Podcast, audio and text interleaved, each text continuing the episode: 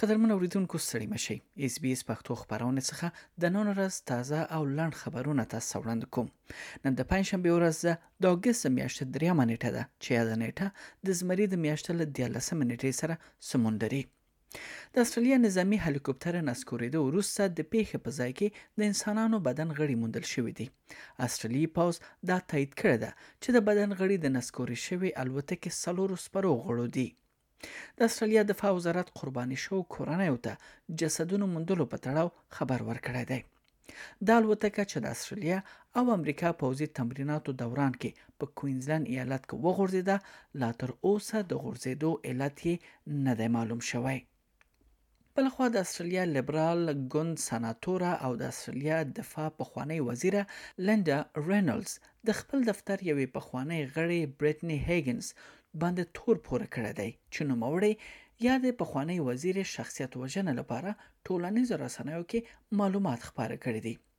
هیګن څو کاله وړاندې تور پورې کړ چې پر نوموړې د پخوانۍ دفاع وزیرې لینډا په دفتر کې جنسي تیری شوی دی. دا قضیه چې څو کاله یې پلټنه وخت ونیو ولې بې پایلې پای ته ورسیده. وله اوسه نه توره لنډه د خپل پخوانۍ کارمند خلاف محکمې ته عریضه کړې او وايي چې د هغه د شخصیت وژنې لپاره په مسلسل ډول په ټولنیزو رسنیو کې پوسټونه کیږي.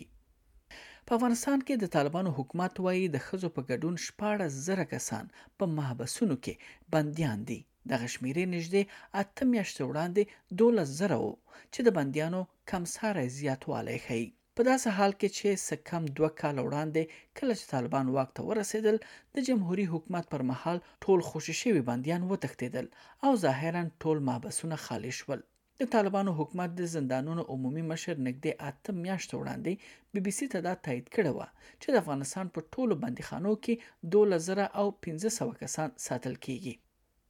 بلخوا اسلام آباد په افغانستان کې د طالبانو له حکومته غوښتي دي چې له خپل خاور څخه دې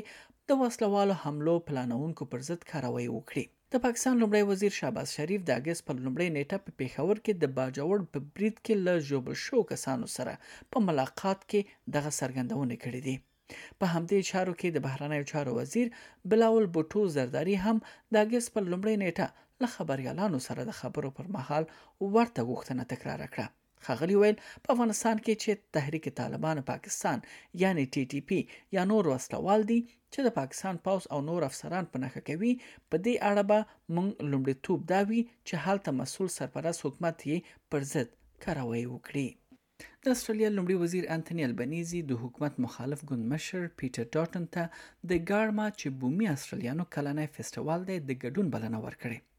دا بلنه د مخالف ګوند مشر لخوا رد شوه ولې بیا لومړي وزیر یو ځل بیا پر پیټر ډاټن غږ وکړ چې خپل نه ګډون پریکړه باندې یو ځل بیا غور وکړي د حکومت مخالف ګوند پر لومړي وزیر سخته نیوکه کړې او ویلي دي لومړی وزیر د یاد فیسټیوال ګډون مسلې ته سیاسي رنګ ورکوي او ترې ناوړه ګټه پورته کوي. بلخوا تمه کېږي چې په اسټرالیا کې د ملکیت بیې په ملي کچه په دوه زره او درویشتم کال کې تر پنځه سلنه پورې زیاتې شي. دا مهال د کال له پیل راهیسې لا دمخه له دوه سلنه څخه دغه بیې لوړې شوې دي. د REA ډلې لخوا راپور موندلي دي چې تمه کېږي تر ټولو قوي وده به په پرت ښار کې د څلور او اووه سلنه ترمنځ وي. د سیدني او اډلیډ ملکیتونو نرخونه د درې سلنه څخه تر شپږ سلنه پورې لوړېدو وړاندوینه کیږي په داسې حال کې چې بیا برزبن د یو څخه تر څلور سلنه پورې وده کوي د ملبن نرخونه اټکل کیږي چې تر دوه سلنه پورې به په ورو کچه باندې وده وکړي دا وړاندوینه پر داسې مهال کیږي چې د ریزرو بانک لخوا د سود نرخ لوړېدو لړۍ خپل اوج ته نږدې شوې ده او وروستی خبر دا چې د فیفا مشر ګیاني انفنتینیو د فوټبال په تاریخ کې د ښځو د ستر نړیوال جام د کوربه توب له امله مننه وکړه. نوموړي دا څرګندونه د چهارشنبې په ورځ د پارلمان په ماڼۍ کې د یوې غونډې په ترڅ کې وکړې. په یاده ناسته کې د استرالیا لومړی وزیر انتنی البنیزي، د استرالیا د سپورت فدرالي وزیر انیکه ویلز، د فوټبال استرالیا مشر ډیني ټاون سن او هم د اي لیګ سي او جانسن په دغه ناسته کې برخه اخیستې وه.